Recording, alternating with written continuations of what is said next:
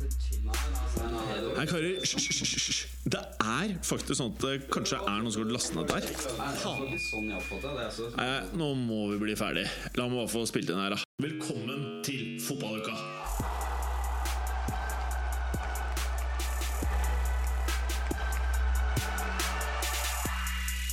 Fotballuka leveres av Green Duck.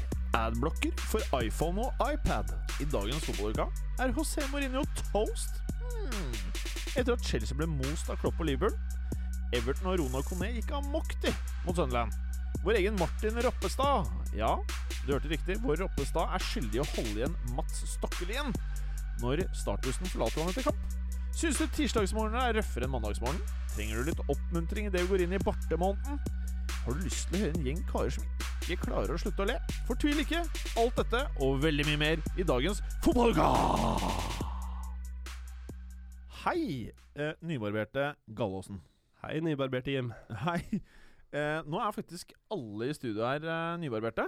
Eh, og jeg tenkte før vi starta på sending i dag, hvor mange år vi faktisk har shavet av oss. Eh, og du, Gallåsen, du ser um, ja 22 ut.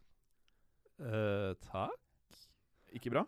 Ja, altså Til å være Atilio Lombardo, så er jeg ganske fornøyd med å se såpass ung ut. Eh, så kanskje du skal eh, bare shave barten i slutten av november? Sånn at du har permanent shavings i trynet? Nei. Jeg Nei. ser ut som en sel, og du veit det. Ja, du ser ut som en stor gigantsel. Men uh, ikke en søt liten sel. Ikke at du ikke er søt. Du er jo veldig søt, eh, Ja, Gallosen. I hvert fall. Men du er en stor, stor, stor sel. Mm. Jeg tenker mer en ung utgave av Adriano Galliani. Ja, og der har vi Berger, som ikke klarte å vente på sin tur i orden her. Ja. Eh, og du er jo også litt skeiva da, Berger. Ja, litt eh, Ja, i hvert fall for et par dager siden. Ja.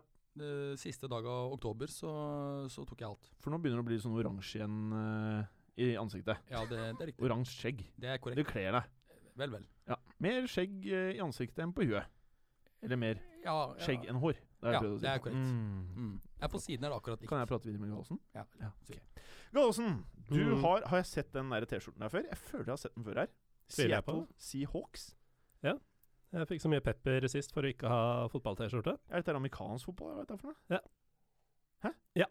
Amerikansk fotball i fotballuka? Yes. Jeg er så rebelsk at du aner ikke. Ok, jeg lar deg passere, men jeg kan ikke love at du ikke får tyn. Nei. Nei, nei. Bring it. Eh, den er ikke like utvaska som Preben pleier å ha sine T-skjorter, så jeg gir deg kred for det, i det minste. Den er bare noen måneder gammel. Ah, så det er hemmeligheten. Mhm. Ja, ja, ja. Og på andre siden her så har vi Kristoffer. Og du er veldig pen. Du er nesten vakker i dag, du, med det der shaven. Tusen takk. Det var og, lenge siden. Ja, eh, vi syns jo at du ligner på Thomas Giertsen. Og Thomas Giertsen er betraktet som en pen eh, mann. Tror du han har tatt skjegget? Nei, det tror jeg ikke. Hva tror dere? Tvilsomt. Tvilsomt. Han har også litt sånn rødlig skjegg. Nei, han har ikke det. Sånn som deg. Eh, Nei, nei, nei, jeg, nei. jeg vet ikke. Han har fint skjegg, han. Men nå begynner, han, nå begynner det å se ut som han har mer skjegg enn han har hår. Ja. Det begynner å bli tomt oppå toppen der. Ja. Og så har du det mm, eh, merket som da Gallosen aldri har sett noe annet enn en 14 år gammel jente gå i, som er Abercrombie and Fitch. Mm. Men nå har du begynt å se ganske mange i studio her med det. Så Ja, vi er jo altså- 14 år gamle jenter. Inntil jeg ble med i fotballuka, Ja. så hadde jeg bare sett 15 år gamle jenter gå med det. Ja. Nå Og har jeg sett uh, middelaldrende menn gå med det. Ja. Middelaldrende. Ja, Ja. Vi er såpass. Okay. Ja. Men uh, det skal vel tas med at uh, er Abercrombie og Fitch De har jo kraftig salgssvikt, så det er kanskje derfor det er noe mer uh, middelaldrende menn. De bytter ikke ut klærne så ofte. Å, sier du det? Ja. Ja. Det var jeg ikke klar over. Hmm. Og så er det Bergeren, som ikke klarte å holde seg. Nei? Bergeren. Jeg var så oppspilt for sending. jeg, Ja, du var det. Ja. Eh, og du har på deg for første gang i studio en eh, T-skjorte V-neck. eh, Trendy kan egentlig ikke ta deg på noe der. Er helt vanlig, egentlig. Helt vanlig. Ja. Men du begynner å bli rød, da. I, eh, du har en ganske hvit, lys hud. Begynner å bli rød ikke... her, sånn. Ved hersen. Jeg har Ja. ikke, jeg har ikke Er det nerver for podkasten? Nei, det er jeg faktisk litt usikker på. klødd, du. Jeg trodde jeg bare var egentlig generelt eh, blek. Jeg, mangel på solarium og sol. Ja. Er det elveblest? Er det elveblest? Det håper jeg virkelig ikke. Ja, det, oh, Det, det, klør, det, klør- det klør ikke. Pass på, pass på tekniker Felix, du ikke får elveblest her. Ikke si for nærme Bergeren. Eh, og til dere lyttere, så er det jo sånn at eh, her er det, som forrige uke, fire karer med enten forkjølelse, eller som har hatt forkjølelse, eller er på vei til å få forkjølelse. Eller elveblest. Så ha det frist i tanken her. Det er lov å le Bergeren inni mikken.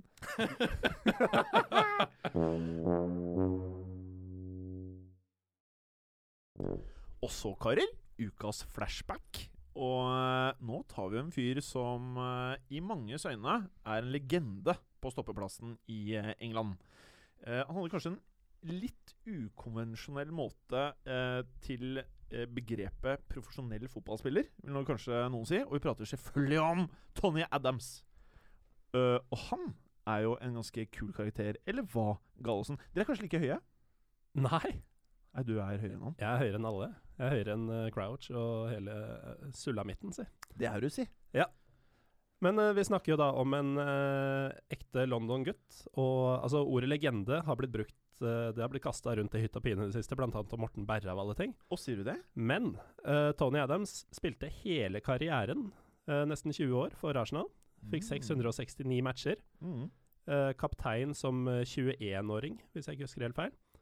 Og i den derre Wenger-boka som eh, Berger eh, egentlig skulle lese i dag, den ligger eh, her borte. Men i den Wenger-boka så står det at eh, Tony Adams han spiste ekstremt mye Gummy Bears i pausene mellom eh, første og annen omgang. Ja, det er energi, det, vet du. Energi. Og det likte Kjapp, ikke, kjappe carbs. og det likte ikke Wenger. Nei, uh, han hadde jo noen, uh, skal vi si eh, Tendenser til uprofesjonalitet, Ja. eh, spesielt før Wenger kom inn. Mm. Eh, det var jo kort eh, sagt mye fyll. Og jeg kan se for meg landslagssamlingene med han og Paul Merson og Gassa. og hvordan det foregikk på diverse hotellrom rundt i Europa og sånn. Altså Stakkars Gary Lineker som prøvde å holde orden der. Han hadde jo med seg Merson på laget i Arsenal òg, så Mhm. i tillegg så var det flere spillere der som var glad i å ta seg en tur på byen. Så, Oh, yes. Men dette var vel generelt for engelsk fotball på, det, på den tiden der. Noen var riktignok verre enn andre, bl.a. Tony Adams. Når det gjelder Arsenal-spillere som likte å ta seg en tur på byen, da, så har jeg kåra Tony Adams sitt Balotelli-moment. Og det er da han og Ray Parler var på Pizza Hut. Mm. Uh, og de eh, fyrte av en signalpistol og diverse brannapparater inn på en handikap-dass på Pizza Hut i London etter at de hadde blitt erta av noen fans av andre lag. Altså, det er mye sykere enn det Balotelli gjorde. Ja, han skøyt jo bare opp litt uh, sånn forsiktig fyrverkeri på doen i sitt eget hjem. Ja, det har vi alle gjort. Han, Ja, var, men- han var jo ganske glad i å drikke. Eh, I 90 så kjørte han jo Sierraen sin inn i en vegg og fikk fire måneder i spjelet. Så uh, han er, ikke, han er ikke redd for å drikke litt. Da tror jeg han blåste fire ganger det som var lovlig Mm. eh, prosent Ah, eh, i kjølvannet av det krasjet. Men over til, eh, over til eh, hans karriere. da Du nevnte jo det at eh, han, han var kaptein i en alder av 21 år, og den, det kapteinsbegynnet beholdt han i 14 år. Og han spilte jo på, på et Arsenal-lag som var eh, beryktet for å være ganske kjedelig. Eh, de sang jo det var ikke mye veld- i taklingene til Tony Adams. Sang jo veldig ofte eh, Motstanderens fans sang jo ofte 1-0 to the Arsenal. Hva Som sa var- du? Arsenal? Eller Arsenal. Ar Ars? Ars. Som i rumpe? Ja. Arsenal? Ja, Ars Anal. vi spilte Ars jo, hadde jo en Nei, fy da! Det er kaos. backfirer der med Lee Dixon, Nigel Winterburn, Steve Bold og Tony Adams. Uh. De slapp ikke inn mye mål, men de skapte ikke så mye sjanser fram på banen heller. Der var det sikkerhet som gjaldt. Og så ble det noen heidundrende taklinger. Absolutt. Ja. Veldig mye taklinger. Uh, og han fikk jo med seg fire ligatitler uh, i løpet av tre årtier som uh, kaptein. Det er det vel fortsatt ingen som har klart å matche. Det er sykt. Tre FA-cuper, to ligacuper, en cupvinnercup, uh, for å nevne noe. Og jeg husker spesielt i 93 så vant de 2-1 mot eh, Sheffield Wednesday i ligacupen. Mm. Og da, etter kampen, så bar eh, Tony Adams rundt på Steve Morrow, som hadde skåret eh, 2-1-målet. Og hadde han på skuldrene, men han eh, snubla. Eh, det kan godt hende at han hadde rukket litt. Det, han var jo ofte litt ustø. Han snubla, mista Steve Morrow ned i bakken. Han brakk armen og ble båret ut på båre med oksygenmaske. Og Fikk ikke med seg mer av feiringen. Og det minner meg litt om sant? Du sitter bare og humrer vekk fra mikken. Det er ikke noe farlig. Ah, ok, jeg skal prøve å humre inn. Det minner litt om en annen spalte som jeg har lagd til i dag, nemlig Tony Adams sitt Trifon Moments. Oi! Uh, det er to ting. Uh, det første er uh, noe lignende historien som Kristoffer fortalte nå. Jeg vet ikke hvilken, uh, hvor det var, men uh, det hendte en gang at uh, Tony falt ned en trapp i fylla og trengte 29 sting i hodet. Det er voksent. Det er ganske bra fall, altså. Ja. Vet du hvor i huet det var? Eh, nei. Nei. Men i 93-94-sesongen Ja. så skal Tony Haddams uh, visstnok eh, ha spilt en kamp da han var full. ja. Og det er Trifon Ivanov. Det er Trifon Ivanov. Tenk deg de to hadde funnet tonene. Men eh, jeg mener når jeg leste den Wenger-boken, at det i hvert fall var en eller annen kamp han ikke husket så mye fra når han ble stilt spørsmål eh, etter matchen. Kan det være den kampen der? Hvis den forekom i 93-94-sesongen, så, Så det kan det fort være den. Men Wenger kom jo ikke før i 95 eller 96. Da tror- 96. 96. Fordi det var jo Jeg tror det var etter eh, EM eh, i 96 hvor England røk ut på straffer, selvfølgelig, mot Tyskland. Tyskland. Så dro jo Tony Adams på en seks ukers uh, fyllekule. Seks uker, da? Seks uker bare. Mm. Og da tror jeg det var da kanskje Wenger kom inn og snudde litt av det negative. Jeg tror Wenger eh, bidro til at han klarte å spille så lenge på et så høyt nivå, fordi Wenger kom med litt sånn nye, Altså nye ideer og litt strikt matregime. Og eh, jeg tror faktisk Tony Adams i tillegg innrømmet at han var alkoholiker eh, etter at Wenger hadde kommet og tatt over som manager. mm. Han var først i 96 han sto frem. Mm. Og da, da var han også 30 år, stemmer det? Da var han eh, Nei, det kan han ikke ha vært, fordi han var 21 i 88. Jo. Jeg er ikke så god på regning, så jeg Nei. tror ikke vi klarer å finne ut av hvor gammel han var. Da var. var han 29, da. Ja, 29. 29. Så var close da, Bergeren. Jeg var det. Men eh, en av tingene som eh, i hvert fall Wenger mente var noe av det vanskeligste han har fått innført i, eller endret i Arsenal ever, det var et eh, grønnsaksfat i, eh, i lunsjrommet.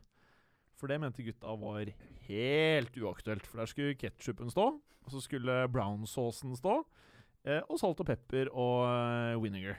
Det var det de skulle ha der. Mens Wenger han satte opp eh, sånne glass med gulrøtter og stangselleri. Og det tror jeg ikke blant annet Tony Adams var så jævla ålreit. Bra, Berger. Inn i mikken. Le inn i mikken. Jeg gjør det, da. Ja, veldig bra. Men uh, vet dere hva Tony Adams brukte mye av tiden på da han uh, skulle komme seg fra den seks ukers fyllekula? Damer. Uh, nei, han skjerpa seg betraktelig. Og jeg tror det er piano, er det ikke det? Ja, han prøvde å lære seg å spille piano. Og det det eneste jeg har funnet om det at Tony Adams skulle lære å spille piano, det var én setning på nettet hvor det sto da prøvde Tony Adams å lære seg å spille piano. det gikk Så jeg, jeg, jeg, tviler på Han- jeg tviler på om han ble en virtuos. Han skyldte jo Mm. på, på at eh, det at han var alkoholiker, på at eh, han kjedet seg mye. Så det Mm. var på en måte tidsfordriv for han da. Så han fikk seg jo flere hobbyer. Han begynte å studere, og han gjorde flere ting for å ikke drikke. da. Oi. Blant annet så har han jo starta en eh, klinikk for å hjelpe folk som er i samme situasjon som han. Mm. Som også Paul Merson er med på. Han sa vel faktisk også en gang, tror jeg, at uh, han hadde sluttet å drikke sprit, men uh, kun da han sov. Kun da han sov, ja. Ja. Mm. Noe annet spennende om uh, Tony? Definitivt. Eh, han hadde også en, har hatt en kort managerkarriere. Uh, først i Wycombe Wonders, Oi. i League One, var det vel det? Det endte vel med ja, det, endte ikke så bra, uansett ikke interessant. Så var han eh, en kort tur innom eh, Portsmouth under Rednap som assistent.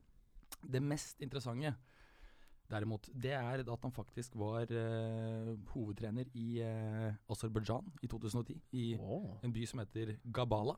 Der gikk det faktisk veldig bra i starten. På de første elleve kampene så var, han, var de ubeseiret, og, og han slapp ikke, de slapp ikke inn mål på ti av dem. Likevel så uh, forteller Martin Keon, da han, uh, da han var og besøkte han, at det første som møtte han eh, på, uh, inne hos, hos Tony Adams, var, var whiskoflasker. Det var så, det, ja. Så han var vel ikke helt tørrlagt på det tidspunktet heller. Men, men uansett, det, er jo i hvert fall en morsom, morsom sak da, at han dro dit av alle steder. For der visste de, eller der så de bare på han som en trener. Og, han likte det å på en måte leve utenfor spotlighten. spotlighten. Ja, han har vært diverse steder som trener, og som altså, Han har vært i Nederland nå, tror jeg, som uh, har trent noe juniorlag og Ja, litt, for, litt forskjellig. Mm. Uh, jeg tviler på at vi får se noe særlig mer til han uh, som trener. Han kan jo kanskje slå seg sammen med Effenberg. Mm. Fordi Adams kjenner jo til eh, engelsk fotball. Effenberg er kanskje ikke så Nei, altså Når den dagen kommer at Effenberg skal ta over Sunderland, Ja. så kan han jo trenge en assistent som kan England, og som ikke minst vet hva spillerne i Sunderland driver med. Helt riktig. For det er en verden Tony Adams kjenner hjemme. Ja, det er et godt poeng. Men en ting jeg har lurt på nå. Fordi i utgangspunktet så er dette kanskje litt far-fetched å uh, si ja til. Men er Tony Adams den største Arsenal-profilen gjennom tidene? Nei. Ikke profilen, uh, det vil jeg ikke si. Nei. Men uh, kan fort være den største legenden. Ok, så vi skiller mellom få- legender. Hva, hva, hva er en profil, først og fremst? Altså Sånn som uh, Bergkamp og Henri, da. Ja. De er jo mye større profiler, De i er og med at de, profiler. de selger drakter, og barna liker dem og mm. sånn. Du må Barna ikke liker ikke Tony.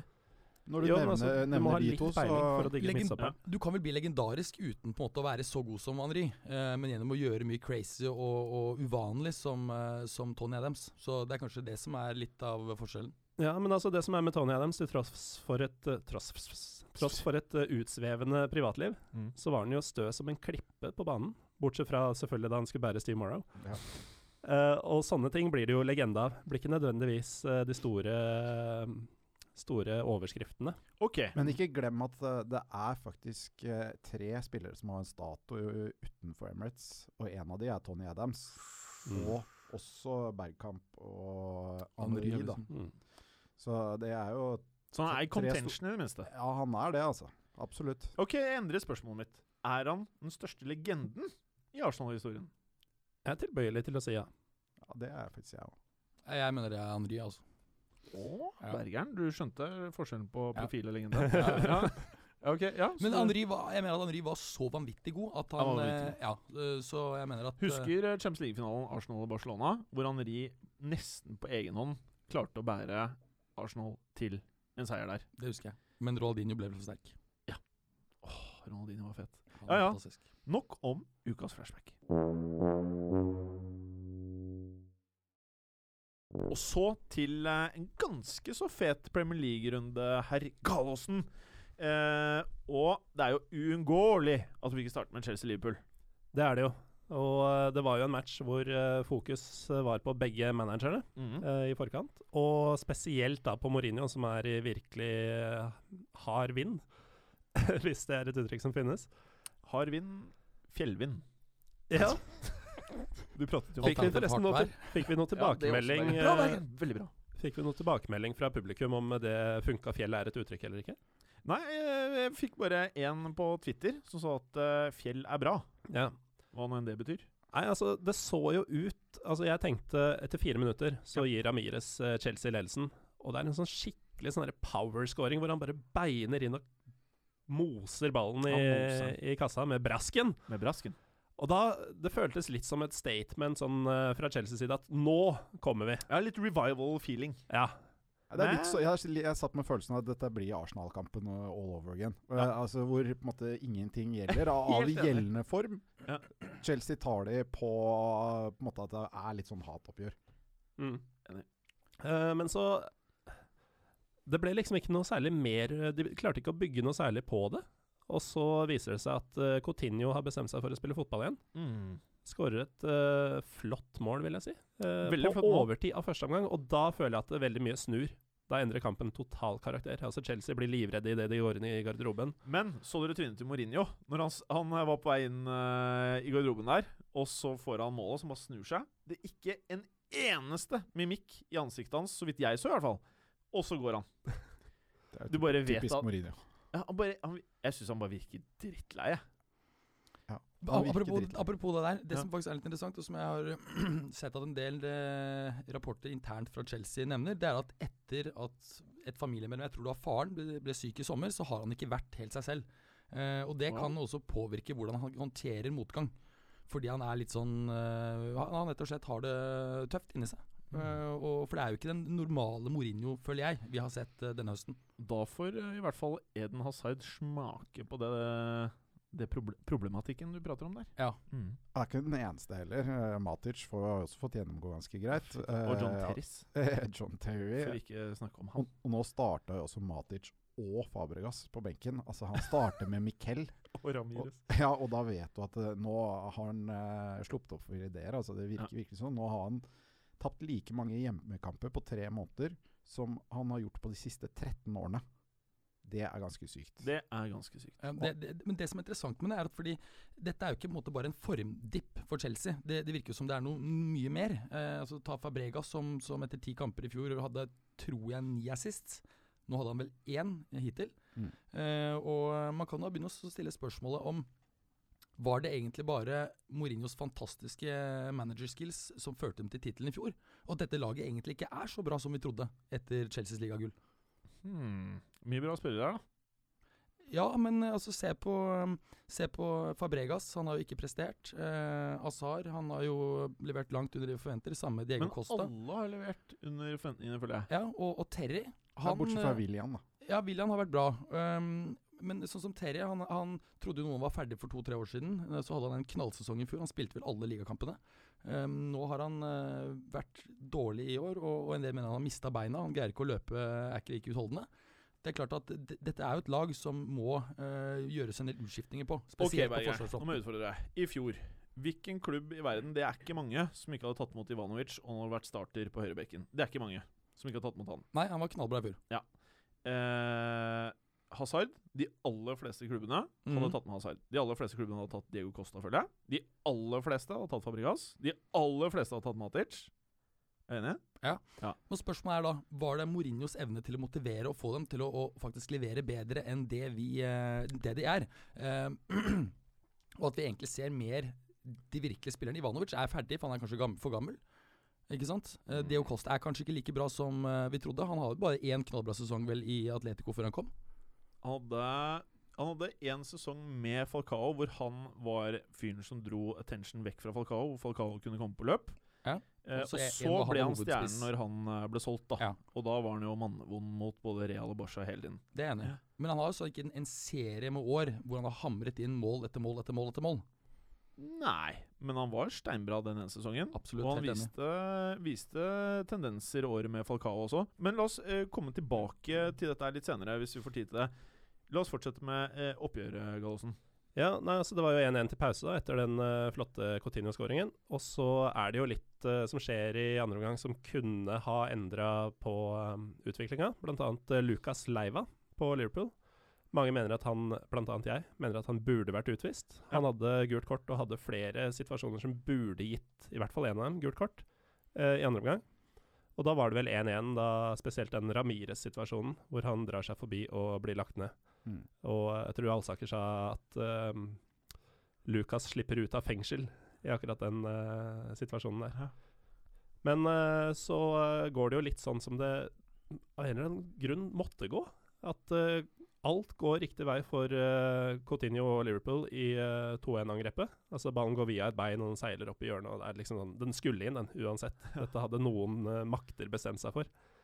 Og da gikk jo lufta helt ut av Chelsea, som jeg, jeg må innrømme at de ser ordentlig ræva ut. Ja. Altså det er sånn, du, du ser det at Liverpool har fått litt ny energi. da. Eh, og Hvis du ser på liksom, statistikken fra kampen nå, så ser du at Liverpool eh, dominerer eh, alt. Altså, eh, Chelsea har ingenting å by på, så for meg så ser det ut som det er et lag som har lyst til å spille fotball, og som legger inn en skikkelig innsats. Liverpool. Og så har du Chelsea, som på en måte er litt eh, vet ikke jeg, De klarer ikke å gire om helt, på en måte. Det virker som de er, ikke kommer ut av startblokka. Og da, da tenker jeg med en gang at dette her er et eller annet mentalt da, som ikke stemmer. Og sånn jeg ser det nå, så nå kan alle slå Chelsea. Ja, det, og det dere nevnte er nettopp det andre som jeg tror kan være forklaringen på, på dette her. Det er rett og slett det at uh, Mourinho ikke lenger har tillit i stallen, uh, i garderoben, Uh, og at uh, de derfor ikke gir maks. Det kom faktisk en ubekreftet rapport at en av førstelagsspillerne i Chelsea skal ha sagt at han heller vil tape en kamp for Mourinho enn å vinne en kamp. Hvis- Hvem er det, da? Det, er, Hazard, eller? det vet jeg ikke, men det er, kom gjennom BBC, som normalt er ganske etterrettelig. Ja. Hvis det stemmer, Eh, så er det klart at det er et klart tegn på at Mourinho muligens har mistet støtten i spillergruppa, og da tror jeg ikke det er mulig å snu det. Men, men, men bare det som er litt uh, viktig her, da sånn at, uh, Dette blir jo egentlig sånn som når man skal prate om Arsenal. Hvorfor, ikke, hvorfor har ikke Arsenal klart å ta steget? Så er det den klassiske greia at uh, Wenger uh, ikke nødvendigvis gjør de rette kjøpene, bruker ikke noe cash og de andre ting. Når vi prater om Chelsea i år, så blir det ganske mye eh, hakk i plata når vi prater om dette her. For det er jo litt det vi har sett i tidligere sesonger med Mourinho. At det er tredje sesongen det choker. Det er tredje sesongen hvor alle spillerne bare får nok. Det, det blir mye av Mourinho. Mm. Eh, og jeg tror genuint, for jeg fulgte de årene i Real Madrid, jeg fulgte såpass tett, og inntrykket mitt var at den dagen han eh, dro fra Real Madrid, så da var det mange som trodde at det var til Manchester United, og at han skulle emulere Er det det riktige ordet? Emulere? Det spørs hvor du skal hen. Eh, emulere Ferguson. Uh, nei. Altså ta over eh, fakkelen, da. At han skulle gjøre litt av det. Jo, er det ikke det? Nei. Det, det betyr å gå forbi og gjøre det enda bedre, da. Ja. Emulere. Mm. Da var det det jeg var ute etter. Eh, og bare liksom klare å være en klubb. Han skulle liksom bevise det han kanskje ikke hadde gjort tidligere. da. Han vunnet masse fete ting og er liksom den kegeste manageren og alt dette der. Men han har aldri vært i en klubb lenge nok til å bevise at han er en fyr som kan gjøre det over tid. Så når han mobber Wenger eller mobber andre trenere som har vært et sted veldig lenge, så er det jo egentlig litt å pisse i motvind. For han får jo ikke til det veldig mange andre har fått til. Så kan du si at Wenger burde ha vunnet mer og de greiene der, men jeg føler at det vi ser med Mourinho nå, det er det som har skjedd hver eneste gang han har vært i en klubb. Han pusher folk til det ekstreme, hvor folk blir så slitne. Eh, og så går det ikke til slutt. Det bare stopper opp, da. Jeg tenker det at eh, jeg, jeg tror ikke Det som har kommet ut da via BBC, så tror jeg altså Som fotballspiller så har du ikke råd til å, å si at eh, da vil jeg tape, fordi du kan ikke spekulere i det. Det er en såpass kort karriere du har Dette som kom fra agenthold, tror jeg. Ja da, jeg, jeg er klar over det. Så jeg tror på en måte det er sannsynligvis noe som er sagt eh, in the heat of the moment, eller noe sånt noe. Uh, så jeg tror ikke det er det at spillerne bevisst yter eh, mindre for at de er keen på å bli kvitt med Mourinho, men det er som du sier, at det, det, er, det er slitsomt å ha en så krevende trener. Uh, og i hvert fall når han begynner å flytte fokuset vekk fra seg selv og over på sine stjernespillere, da, og beskylder de for ikke å yte godt nok. For han er jo en mester til å fjerne fokus fra spillerne sine, stort sett alltid. Men uh, når det blir mye motgang, så begynner han å flytte uh, skylden over på spillerne. Og det er klart det er ganske slitsomt uh, for den spillersalen der. Men det som er interessant, er jo nettopp det du for så vidt nevner. Og, og, det er at uh, han, han sliter antagelig ikke bare fysisk på spillerne, men også mentalt. For Ser du f.eks. både på Klopp i uh, Dortmund eh, og Diego Simone i Atletico, så kjører man jo en ekstremt hard fysisk eh, belastning på spillerne. Nå tror jeg ikke vi skal dra- Simione inn i det der. Nei, nei, men han klarer det. Ja, nettopp. Men poenget er fordi han sliter ikke like mye mentalt på spillerne. Nei.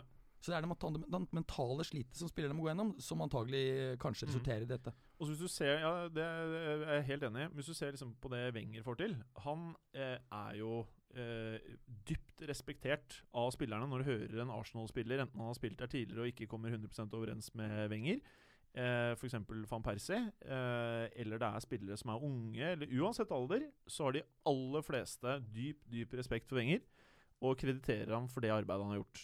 Det er veldig sjelden du hører eh, en Real Madrid-spiller, bortsett fra Arbeloa, gjøre i etterkant av eh, den trenerkarrieren han hadde i eh, Madrid, i hvert fall. Ja, akkurat Det er interessant, for det er vel egentlig stort sett bare Inter- og Porto-spillere. Hvordan gikk etter to år, etter Mhm. at de vunnet Champions League. De snakker positivt om. Spesielt Inter. Ja. For da gikk han på topp, og han visste at nå var gutta slitne. Nå var det én vei, og det var nedover. Ja. Men vi må videre. Vi kunne egentlig hatt en egen podcast om dette, her, for dette er jo superinteressant. Kan jeg bare spørre, Vi spurte om dette her eh, forrige sending også. Eh, jeg må spørre igjen. Tror vi Mourinho får sparken? Er dette siste eh, Mourinho-kampen for Chelsea denne omgang Gallosen? Jeg tror eh, det motsatte av det Mats Berger var, innom, var inne på i stad. At eh, det vi så i fjor, var Chelsea-spillerne sånn som de egentlig er. Ja. Det vi ser nå, er Chelsea-spillerne som sliter med en stadig mer uh, gal uh, Mourinho. Jeg tror faktisk han er ferdig etter, uh, eller i løpet av uh, landslagsoppholdet som kommer. Ja, Bjørne? Jeg er litt enig, jeg tror han er ferdig. Nå er det bare spørsmål om tid å få inn en erstatter. Ja, Jeg også tror det er landslagsoppholdet han kommer til å ryke. Eh, nå, sa jeg ikke at eh, det Jeg, jeg stilte et spørsmål. eh, men jeg tror altså enten det, den første forklaringen, eller det at han sliter mentalt på spillerne. En av to. Men han ryker nå. Vi er enige. Gallosen, Man City Norwich. Ja, jeg spådde storseier. Det ble det ikke. City vinner 2-1. Uh, dominerer fullstendig. Uh, 21-5 i avslutninger og 71% possession. City hadde 20, 722 pasninger. En pasningssikkerhet på 89,9% Det er ganske skyhøyt. Eh, tar ledelsen eh, gjennom eh, Otamendi på en fantastisk heading. Eh, corner fra Kevin De Braune. De Braune. Uh, Otamendi omtrent på straffemerket. Hopper himmelhøyt og bare skaller ballen så du nesten ikke ser den. Nesten som en hockeypuck. Ja. Eh, og eh, så er det en god City-periode etter dette, men så bestemmer Joe Hart seg for at nå er det jul. Nå skal Norwich få en pakke. Ian Hart, Yo Hart, ja. jobbe, jogge. vi, vi kan godt kalle han Ian Hart. Eh, han Jeg eh, skulle begynne å kalle han for Blakeren. Altså Yo Hart. At det er Blakeren i fotballuka. Nei, det blir forvirrende. Det blir forvirrende. Det er ikke forvirrende å kalle han Ian Hart, eller? Nei. Jo, OK. Ian Hart. Ja, okay. Han er Ian Hart. Ja, nei, det kommer et ganske dårlig innlegg som han eh, enkelt og greit skal plukke, og det ser ut som han gjør det også. Mm. Før han bare på en måte kaster ballen ned langs mållinja eh, til Cameron Jer Jerome, som kan eh, dytte den inn. Helt håpløs inngripen Mm. av det som ifølge Buffon er verdens beste keeper. Men når er det han derre Bonny eh, skal ta av? Nå har han jo muligheten. Han hadde masse sjanser. Han hadde masse sjanser. Hele tida farlig. Altså alltid i posisjon og kommer til eh, muligheter, men ble veldig mye blokkert i denne matchen. Men han er litt sånn uh, Jermaine Defoe. Han går, for, han går alltid for power. Altså, han kliner til. Ja. Uansett. Men når du ser på, så- bare. Han slår deg som en spiller som moser på. Ja, ja, ja. ja. Eh, bare en liten ting før vi går videre her. Mm. Vi tok jo det her som en selvfølge at uh, lytterne fikk med seg siste målet i Chelsea-Liverpool. Christian Benteke som eh, setter spikeren i kista til Ja. 3-1-seier eh, for de røde på Stamford Bridge. Mhm. Og det er jo fordi alle som følger fotball, jeg har jo fått med seg resultatet i Chelsea-Liverpool. Det er derfor vi blir litt sånn engasjert der. Og diskusjonen er jo egentlig ikke hva som skjedde i den kampen, men hva som skjer med Mourinho fremover. Det er jo det som liksom er greia nå.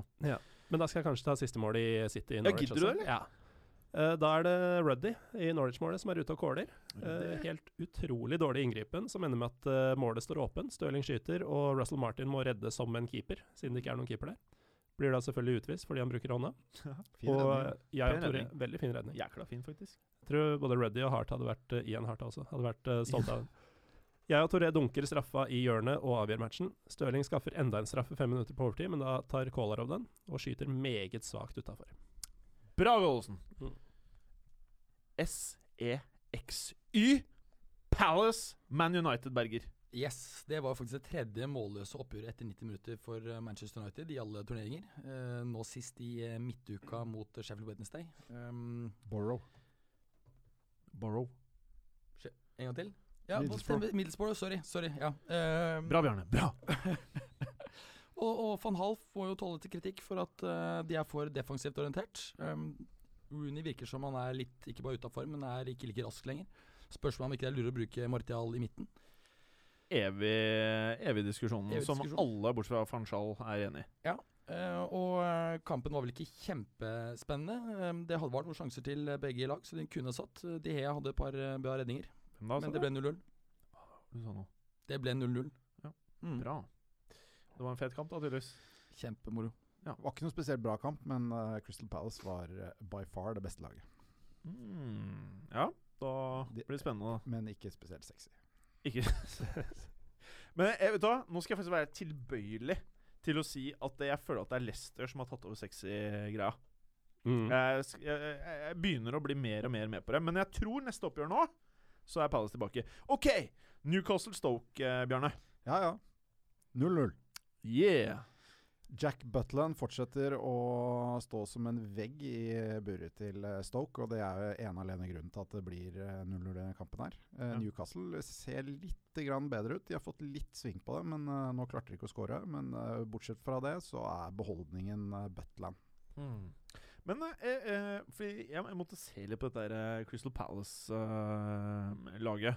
og når du ser det på papiret, så er det faktisk tre-fire spillere som kunne spilt i antatt sterkere Langt sterkere klubber enn Newcastle. Er du ikke enig? Jo da, dette er det krydderet i den store gryteretten som Jan Peder Jalland snakka om. Ja. De har litt krydder. Ja, de har det. Det er bare så ufatt... Jeg husker Jan Peder fortalte meg om han var og så um, Vernon Anita. Eh, usikker på om han var på treningscamp i Ajax eller hvor det var. Eh, og så sa han bare Han fyren der, han kommer til å bli en megastjerne. Og så første gang jeg så han i uh, Newcastle, så bare OK, jeg er helt enig. Han så helt fantastisk ut. Og så er det bare det som skjer med veldig mye nederlendere og franskmenn som kommer til Newcastle. Det ser veldig pent ut til å begynne med, og så blir de bare brutt ned av en eller annen grunn. Hva er det som skjer der? da? Det er Det er et godt spørsmål. Som Diota er litt i samme båten. Står han med sånn slaktemaskin inni der og bare kverner gutta? Hva er det som skjer da? Nei, Det er ikke godt å si, men det virker som det er ekstremt dårlig struktur der. Så det er vanskelig å trives eh, når det er såpass eh, ja, mye forskjellig og mye utbytte av manager. Og du har jo fort hele stadion mot deg, og det er, da er det ikke noe særlig å spille fotball. Og det er jo Det bør være god stemning på St. James', for det er en fantastisk hjemmebane. Men når du har alle mot deg, og så er det ikke nødvendigvis at de er mot spillerne, men de, er, de fokuserer mer på at de er imot ledelsen. Det er noe, kanskje noe med det at, at eh, fansens forventninger er uh, veldig høye. Og eh, derfor så blir det fort dårlig stemning, som du er inne på. Mm, ja, husk på at det er jo en uh, Hvor mange tar uh, St. James av? 55? Ja, Noe sånt. 55 000. De har masse historie. Og de er en eh, klubb som har alle forutsetninger for å være hot stuff. da Jeg er helt enig. Eh, Så har du en eier som ikke vil selge, eh, etter hva man leser. En eier som er litt sånn at han investerer i Glasgow Rangers. Og har kjøpt maks av det han har lov til i forhold til reglementet. Og en fyr som det virker som egentlig tenker mer butikk enn fans og det sportslige. da Og det er klart at folk blir dritforbanna når livet ditt er fotballaget ditt. Men uansett, nå må vi videre, fordi vi bruker jo tid her eh, som vi ikke har. Uh, herr, herr Galåsen. West Brom kan jeg begynne å si sexy Leicester? Uh, var redd du skulle begynne å si sexy West Brom. Nei, eh, det er ikke noe fare for. Nei. Jo, Leicester er sexy, altså. Ja. Det er det. Uh, eller, de har et par Det er som Crystal Palace. De har et par spillere som er jævlig sexy. Eh, bare at disse sørger for poeng og skåringer og entusiasme hele tiden. Det Ja. gjør jo ikke hele tida Og, og det her er det jeg mener. Jeg mener at eh, em, Med en gang de spillerne til Crystal Palace begynner å gjøre det samme som Mares og Vardy og de gutta der, Mhm. så får du det jeg prater om. Men det som er forskjellen, er jo at uh, de krydderspillerne til Palace er jo faktisk forholdsvis store navn. Altså Riyad Mahrez og Jamie Vardy er jo ikke det. Det er jo førstedivisjonsspillere eh, fra gammelt av. Men uh, vi kan jo ta han ene, da. eh, Jamie Vardy. Nå har han elleve mål på elleve kamper i ligaen, og åtte på rad. Tangerer eh, Daniel Sturridge sin andreplass, og skårer han i de to neste, så tangerer han også Ruud van Nistelrooys rekord. Ja. Um, Den nye Har- datamaskinen til Berger lager like mye lys som en aggregat. Hva er det som skjer Ja, det er en tanks der. Ja, for eh, det første er den største laptopen jeg har sett i hele mitt liv. Ja, det er helt vilt Jeg ble- jeg ble- en jeg jævlig skuffet da jeg tok den ut. turbin på den? Du, hele podcast-studioet holdt på å falle sammen. Jeg det rister faktisk i bordet. Og, og attpåtil så slettet den alle Tony Adams-notatene mine, så jeg satt der helt naken. Hvor med han? Da har jeg den på fanget.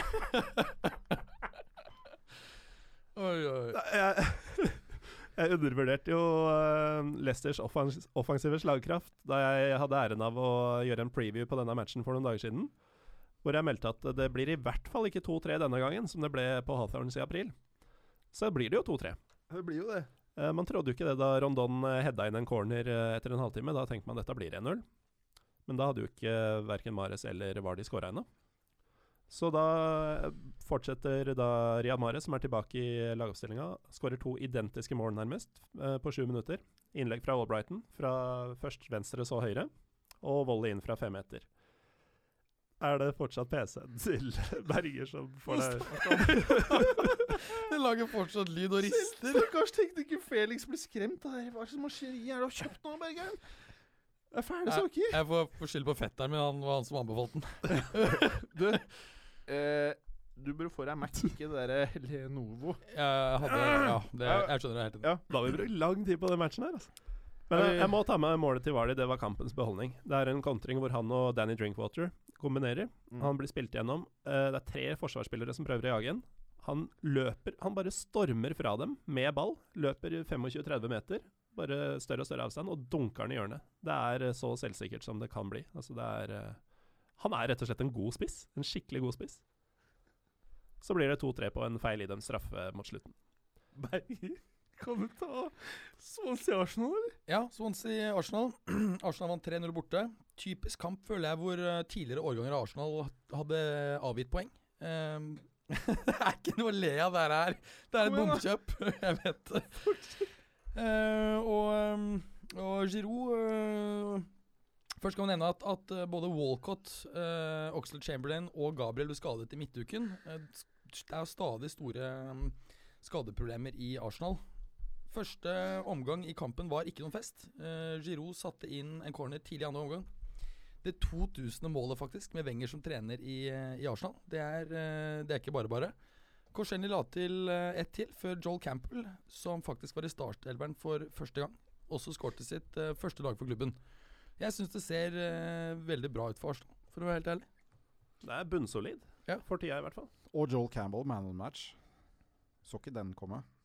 Nei, han har ikke fått spilt så mye før. Så det, det var uh, ikke ventet. Går det bra, Jim? Åssen tar du Watford Westham, da, eller? Jeg skal prøve. Uh, vi har vært inne på hvor viktig Odion Igalo er for Watford. Eh, I helga så slo de Westham 2-0 på hjemmebane. Uh, hadde, det var en veldig overbevisende match, men uh, måla var eh, mer eller mindre gavepakker. Uh, på 1-0 så viser Andy Carroll klart og tydelig hvorfor han ikke er forsvarsspiller, da han uh, kåler bort ballen på dørlinja i egen boks. Mister den til Nathan Ake, som triller ballen inn til Igalo, som setter 1-0. Det er mulig det var et selvmål av Cresswell, men foreløpig så har Igalo fått den. Eh, 2-0 uh, så får de igjen mye gratis uh, av Westham-forsvaret. Det er eh, Anja som slår et innlegg som går via en klønete Tomkins. Eh, og Igalo er nådeløs og bare blæster ballen i, i nettaket. Meget god avslutning. James Collins avslutter Jeg må avbryte. Nå har vi funnet ut grunnen til at den jævla maskinen til Bergeren holder på som en jævla flymotor her. Det er fordi han har hatt Football Manager i 2009 inni i CD-rommet. Så den, han prøvde å starte den. så ser jeg at den er ødelagt fordi at den hadde satt seg fast i en ødelagt Mac. Og så satt jeg og brakk opp Mac-en for å få den ut, og så ble CD-en litt ødelagt. Da er du keen på å spille Football Manager 2009. Du vet, okay. at, vet det har kommet uh, nye versjoner versjoner siden 2009. Jeg switcher mellom 5, 6, 7 og 10. Oh, nå kan podcasten endelig fortsette. oh, herregud. Ja, Gallosen. Eh, på 2-0 eh, til Watford, kampen avgjort. eh, Watford vært klart best. Så avslutter, eller eh, fullbyrder, James Collins elendigheten ved å bli utvist etter 83 minutter. En unødvendig brutal kvesting av Igalo. Sikkert litt frustrasjon der. Ja. Sparker han på låret nærmest, og klar til rødt kort. Hmm. Det betyr at Westham, som var ubeseira på bortebane etter å ha spilt borte mot Liverpool, Arsenal og City, og slått disse tre, og også slått Chelsea hjemme, taper mot Watford. Hmm. Der har du Westham 2015-2016. De har ikke slått av De har spilt mot eh, alle de tre tatt lagene, ett poeng mot dem. kun tatt ett poeng. Mm. Schizofrent. Berger, nå som du endelig har fått eh, kontroll på utstyret ditt der. Southampton, Bournemouth. Ja. Southampton hadde jo, eh, er jo da tilbake på vinnersporet. Davies og Pelle som, som skårer. De vinner 2-0 mot uh, Bournemouth. Og, eh, og Bournemouth har nå ikke vunnet på fem kamper. Det er ikke helt unaturlig, slik jeg ser det, at de blir innblandet i nedrykksstriden. Og de er vel nå bare ett poeng eh, over. Så eh, Ja, det var vel det viktigste derfra. Ja, Så de er i form. Vi har uansett veldig dårlig tid. Eh, Everton-Sunderland, Bjarne. Ja, Det var litt av et oppgjør, det. det var litt av et oppgjør. Uh, Sunderland ut i en ganske uh, uvant uh, formasjon, vil jeg si. Det var med trebekslinje og ja, hva skal vi si 3-4-3, egentlig, nærmest. I hvert fall offensivt. Og så var det vel kanskje en eh, 5-3-2 som var tanken defensivt. Mm. Men med de to wingbackene, da, så um, Litt Rogers, to- eller? Ja, litt, ja, litt Rogers eller litt Tim Sherwood. Jeg vet ikke helt. Men det virket ikke som om Sunderland eh, helt visste hva de skulle gjøre. Eller spillerne visste hva de skulle gjøre, i hvert fall. Mm. Så, men Sunderland starta jo ekstremt offensivt. da Tok Everton litt på senga. Hadde to, eh, to skudd i stanga eh, ganske tidlig i kampen. Eh, før Everton snur og putter på to stykker. Uh, Defoe uh, har en ganske uh, nydelig redusering på tampen av første omgang. Og så Altså, han ser jo giftig ut når han får spille. Ja, han så veldig bra ut. Mm. Uh, og i tillegg så putter formspiller Steven Fletcher uh, på 2-2 uh, rett ut i andre omgang. Og da ser faktisk Sunderland ut som det beste laget. Eh, utrolig nok. Det gikk over. Og da, ja, og da var det istedenfor å da fokusere på å få med seg noen poeng, som de sannsynligvis burde gjøre i den posisjonen de er i, så gikk de for å vinne. Og da rakna jo alt bakover. Det åpna seg. Litt eh, uheldig selvmål. Uh, Coates etter 55, og så rant det på med skåringer fra Lukaku og Kone. Og Kone endte jo da matchen med sin 6-2-skåring, og da sitt tredje for dagen. Sterk Hadde han match, ikke to assist òg, eller? To assist? Én assist, tror jeg. Jeg tror på fancyfotball at han eh, står rigga med to, altså. Nei, det var jo en eh, bra kamp av Everton, men eh, jeg sitter med en følelse av at uh, det kunne gått begge veier. Uh, hadde uh, Sunderland hatt litt mer flyt. Det var i hvert fall en sykt fet kamp. Ja. Det er det viktigste. Uh, og så, Kristoffer. Mm. Eh, om kort tid så starter det en eh, kamp. Spurs uh, Aston Villa, tenker du på? Mm. Spennende. Det mest spennende her er jo Harry Kane, egentlig. Han er jo oppe i fire skåringer nå, og var på i tilsvarende kamp i tiende serierunde i fjor. Han skåret sitt første seriemål for sesongen. Så i forhold til det skjemaet så ligger han et godt stykke foran uh, rekorden sin fra i fjor. Og så ryktes Harry Kane til Bayern Munich. Ja, og Vardy til eh, Real Madrid. Ja. Og Dortmund nå sist, faktisk. Ja, ja. Og Mares til Barcelona. Så nå er det ikke gjenspillere, da. Nei. Nei, det er, eh, det er en kamp uh, Spurs skal vinne ganske greit. Ja. Og, men nå har Aston Villa ansatt eh, Remi Gerd, eh, som skal visstnok sitte på tribunen eh, i den kampen her. Tviler på at det får så veldig mye betydning. Nei. Nei, nei. Men det er, eh, blir spennende å se. Mm. Så eh, da må vi bare videre. Og så er vi kommet til ukas frekkas, Bjarne. Mm. Take it off. Yes, jeg var innom uh, Sist uke så var jeg innom Leeds og deres nye manager, som jeg var litt kritisk til. Og han har vært særdeles kritisk til Leeds, som han har tatt over. Og under Massimo Cellino, som nå er i hardt vær, som, er, uh, som eier Leeds, uh, så er snittet for antall kamper en manager har holdt ut, elleve kamper. Mhm. Pent. Og da prøver jo Evans selvfølgelig å trekke det snittet enda lenger ned, så han uttalte nå at I'd be telling a lie if I said the players in this squad fit playing for Leeds in the championship. Så det han sier, er at spillerne hans er for dårlige, og at Leeds kommer til å rykke ned med han som Det er helt nydelig. Det er helt nydelig, det. Ja. Det er en frekkas. Det er en ekte frekkas, det Ja, det liker jeg. Uh, I tillegg så har Pelé vært ute og uttalt seg litt om eh, Neymar. Pelé eller Pelle? Nei, Pelé. Altså Altså Pelé. Pelé Maradona Maradona Pelé? Maradona Pelé. Maradona Pelé. Er det, er det, det, vi, er det det Pelé. vi kaller han? Ja, er det ikke det? Det er jo liksom eh, det, altså, Men det er jo det er Pelé og Maradona, Pelé. og så er det Messi og Ronaldo. Ja, men det er ingen andre Pelé. Ja, men det var jo han eh, som spiller nå, da. Han høye, ja. kjekke. Uh. Og så har du faren til uh, Ayu-gutta. Aju. Mm. Mm. Abedi. Mm. Mm. Ja. Bra, Gallosen. Bra. Nei, men eh, den originale Pelé Mm. eh, Og han har jo en mening om veldig mye, vet du. Ja, han har det. Ja. Og han da har en mening om Neymar. Han sier at Neymar is a good player. Han sa kanskje ikke det på engelsk, men det, jeg tar det på engelsk. Jeg tipper han sa det på engelsk. Ja, ok. Jeg tipper But how many goals has he scored with his head in his life? Spiller det en rolle? Nei. Han fortsetter. He is an excellent player, but Vasconcelos, my teammate at Santos, was ten times better than Neymar, without any doubt.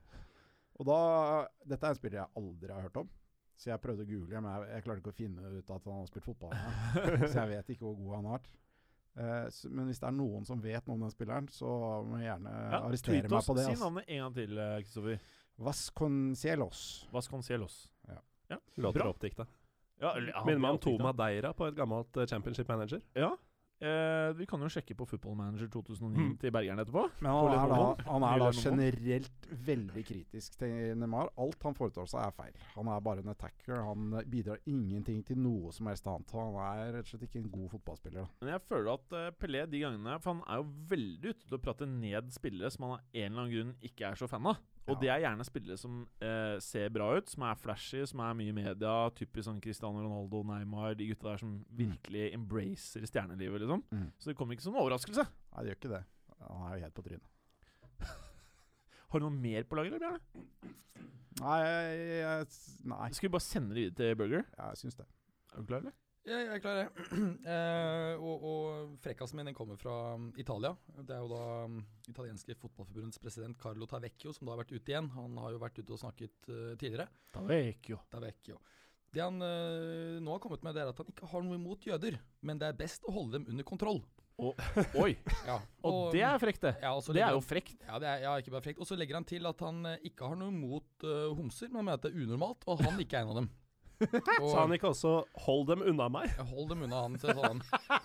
Altså, han fyren der er frekk, ass. Ja, han er altså- frekk, ass. Sånne ting som det der kan du egentlig bare slippe unna med i uh, Italia, Italia. ja. Ja, Eller- i, I Italia så er, er han ikke kontroversiell, han er bare en sånn fyrig italiener. Litt sånn type. Ja, men også i You fjor, say så, what everybody thinks.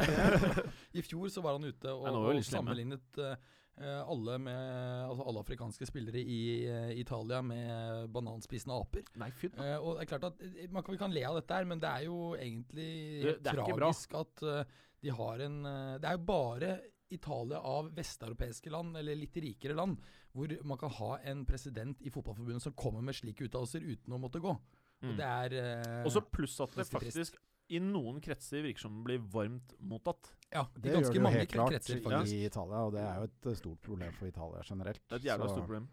Eh, også eh, Det kan passere, men det passerer ikke at Manchester City-fansen buer Champions League-hymnen. det passerer ikke! Nei. Eh, sånn at eh, det er en eh, Si hva du vil om eh, fotball worldwide, om det er korrupt eller ikke, men eh, det er syke ting som skjer. Mer enn det veit ikke Ja, vi. du trenger bare å stå på øverst i pyramiden, så kan du gjøre hva du vil. Nei, Det er Bergeren, ikke med begynn å prate politikken her. Ja, okay, Nei, nå går vi videre her. Gallosen, Ja, løft var, opp stemningen her, da! jeg var jo Jeg må bare skyte inn at jeg er jo en av de som var mest oppbrakt uh, og opprørt uh, da jeg hørte om øh, denne buinga mot Champions. Eh, altså, det, det er mye man kan kødde med, men altså Man setter grensa et sted. Hva var det du mener med det? Ikke bu? Mot Champions League-hymna? Nei.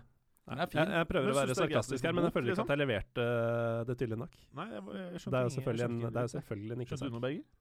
Nei, altså jeg, jeg Nei, skjønte du noe av Gallosen? Uh, nei, nei, nei. nei. Nei, Jeg får gåsehud av Champions Tekniker Felix rister på huet og Jeg går over til mine egne Ja, det har jeg først gjort nå. Ja. Det er et godt tidspunkt. Eh, jeg tenkte å starte med tippeligarunden, som var eh, i helga, eller som var på søndag. Eh, start kjempa heroisk på Nadderud, men måtte dra hjem med tap, og er fortsatt uh, godt innblanda i bunnstriden, nedrykksstriden. Uh, Matt Stokkelien skåra for eh, Start, men da til ingen nytte. Vondt skulle bli verre, fordi da Stokkelien sto og ble intervjua av pressen etter matchen, så uh, fant lagkameratene for godt å fylle spillebussen og dra retning Kristiansand. Det er jo ikke så rart, da, for han har jo spilt i Stabæk. Kanskje glemte hvilket lag. Ah. Ja, og, og, ikke bare det. Det skjedde også med han da han spilte i Stabæk. det andre gang det har skjedd. Og Stokkeliens kommentar til dette er Tydeligvis er jeg ikke noen hyggelig kar. Det er et eller annet som gjør at de ikke vil ha meg med. Det er en frekkas. Ja, det er fint. Men, uh, Men fotballuka har jo en liten eh, finger med i spillet her, eh, Gallosen. Ja vel? Og det er jo fordi vår egen Roppestad Han sto jo og intervjuet denne Er det hans skyld? Helt riktig. Eh, Roppestad er legende. Ja, så vi burde jo egentlig hatt eh, Roppestad her i dag, men han skal til Marrakech. Så han kan For å holde igjen uh, spillere? Ja, vi får håpe det kanskje blir mer frekkaser. Ja. Men uh, han er i hvert fall på, på NRK. da Hvis du ser uh, på NRK-sporten, så vil du se at det er Roppestad som står med iPhone 6-en sin oppi trynet til han spilleren. Og er hovedgrunnen til at han ikke rakk bussen. Så fotballuka We got man in all the right places. Det er faktisk noe av det nydeligste jeg har hørt. Det er helt nydelig, vet du. Men jeg tror kanskje Og en frekkas. En ekte frekkas. Det var en skikkelig frekkas. Den ble faktisk mye bedre enn jeg hadde håpa på. Den ble helt nydelig. Den. Derimot, eh, jeg har litt krydder til eh, Ja, for du starta frekkasen ganske dårlig nå, og så dro du den rett opp. Du har jo akkurat snakka opp og skrytt av frekkasen jeg Ja, leverte. jeg må og så bare minne deg på det, liksom. Ja, veld, ok. Veldig blanda meldinger fra deg nå. Jim. ja men jeg syns Ja, kom igjen, da! I eh, nordøst-Tyrkia så finnes det en veldig rar by som heter Trabzon. Og der eh, spiller en ganske stor klubb som heter Trabzonspor. Mm. Og sist onsdag så fikk de 2-2 hjemme mot Gaziantepspor. Eh, I kjølvannet av kampen så eh, har ti representanter for uh, Trabzonspor, bl.a. styreleder Ibrahim Haje Osmanolo, eh, blitt kalt inn på teppet til Fotballforbundet. Og da lurer du kanskje på hvorfor? Ja. Det er fordi at mot slutten av matchen, da hadde Trabzon henta opp en 0-2 eh, til 2-2. Ja. Men det var ikke nok. De føler seg snytt for en straffe på 2-2 mot slutten av kampen. Får ikke den, og bestemmer seg da for å sperre og låse dommerne inne i dommergarderoben. Og holde dem som gisler. Jeg vet, jeg, vet ikke, jeg vet ikke helt om det kommer til å endre på avgjørelsen. At de kommer til å beordre alle spillerne ut på banen igjen og ta den straffa. Det skjedde i hvert fall ikke. Um, Altså, de tok Mourinhoen litt lenger. De tok Mourinhoen Ikke bare skulle prate med dommerne, de skulle bare bure dem inn i et kott. Neida. Sa jo da eh, denne Haji Osmanolo, klubbpresidenten, sagt at eh, nei, nei, vi holdt dem ikke som gisler. Uh, jeg beordra bl.a. Vaktene til å gi dem mat og drikke. det har jeg hørt skje i gisselsituasjoner det også. er kanskje den feteste frikosten ever, da! Vet du hvordan, eh, hvordan de ble løslatt?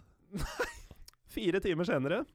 Altså, de har vært i garderoben i fire timer, innelåst. Altså, dette er klokka tre på natten. det det? De har fått mat, da. Ja, ja. Ja, det, er, fått mat. det er ikke noe synd på dem. Det er sikkert toalettfasiliteter der, så Alt går bra. Jo, uh, Tyrkias president, uh, noen vil si han er mer enn som så, uh, Recep Tayyip Erdogan, Oi. måtte ringe og kreve dem løslatt.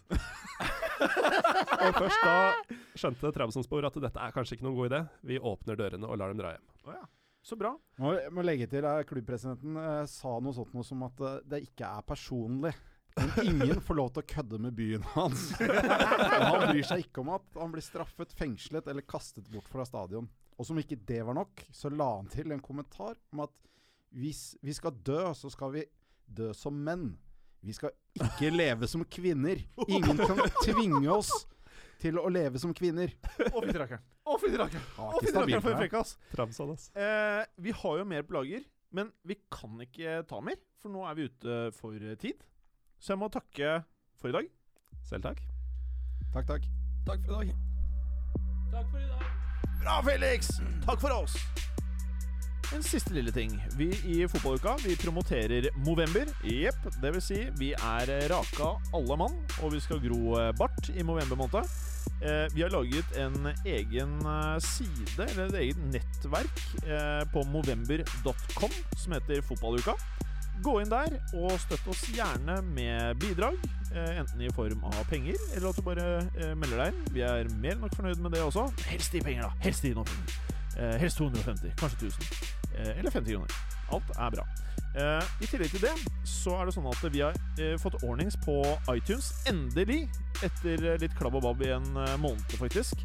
Nå er det sånn at uh, de som abonnerer, burde avabonnere og abonnere på nytt. Og husk, abonnere på nytt er veldig viktig. Uh, og så er det sånn at uh, hvis du har gjort dette her nylig, så er du home free. Og da trenger du ikke å gjøre noe av dette. Takk for i dag. Takk for at du gadd å høre på. Vi er Fotballuka på Twitter, Facebook og Instagram. Følg oss gjerne. Men bare få høre. Den tror jeg blir litt fet.